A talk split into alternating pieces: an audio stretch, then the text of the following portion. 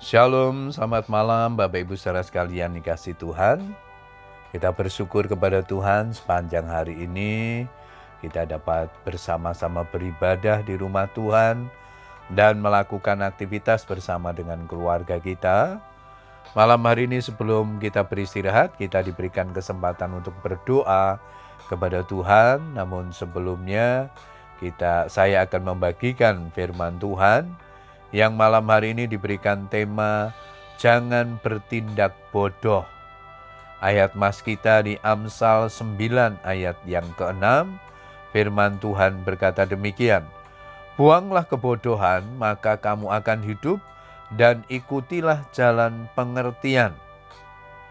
Kepada jemaat di Efesus, Rasul Paulus menegur dengan keras, Janganlah kamu bodoh, tetapi usahakanlah supaya kamu mengerti kehendak Tuhan. Efesus 5 ayat yang ke-17. Selaku orang Kristen, mungkin kita akan tersinggung jika dikatakan orang bodoh. Tetapi kenyataannya memang tidak sedikit orang Kristen yang bertindak demikian. Menurut pendapat orang kebanyakan, kata bodoh berarti tidak mudah memahami, tidak berpengetahuan, berpendidikan rendah atau tidak pernah mengecap bangku sekolah. Sedangkan lawan katanya adalah pintar.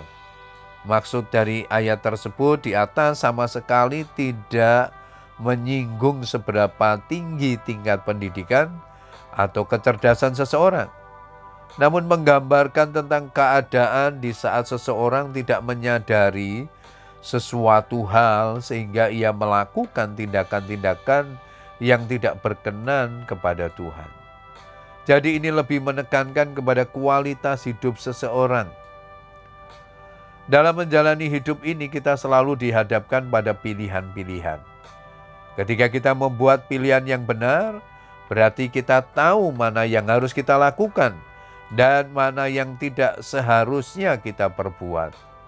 Kalau kita sudah tahu bahwa hal itu salah, berdampak buruk, merugikan dan bertentangan dengan firman Tuhan. Tapi masih saja kita perbuat, inilah yang disebut kebodohan atau tindakan bodoh karena kita telah salah melangkah. Dan jika kita tidak segera menyadarinya dan terus saja melakukan kebodohan kita, kita ini disebut sebagai orang yang bebal sebab hati orang bebal menyeru-nyerukan kebodohan Amsal 12 ayat yang ke-23. Firman Tuhan tidak pernah berhenti mengingatkan kita supaya kita tidak berlaku bodoh. Karena Tuhan memiliki rencana dan rancangan yang baik bagi anak-anaknya. Masa depan yang penuh harapan bukan rancangan kecelakaan. Hidup yang diberkati, keberhasilan bukan kegagalan. Rumah tangga yang bahagia bukan berantakan tetapi sering kali rencana Tuhan kita gagalkan melalui perbuatan-perbuatan kita yang bodoh. Seperti yang dialami oleh Adam dan Hawa, yang diperdaya oleh iblis akibat dari kebodohannya. Mereka harus menanggung akibat-akibat dari ketaatannya. Selama kita masih bersandar pada pengertian sendiri, hidup dalam daging dan tidak tunduk pada pimpinan Roh Kudus, kita disebut orang-orang yang bodoh.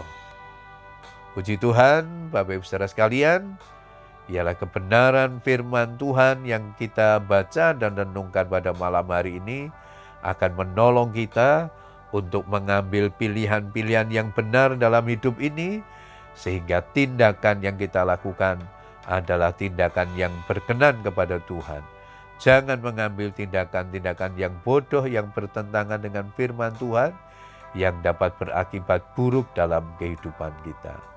Puji Tuhan, selamat berdoa dengan keluarga kita. Tetap semangat berdoa. Tuhan Yesus memberkati kita semua. Amin.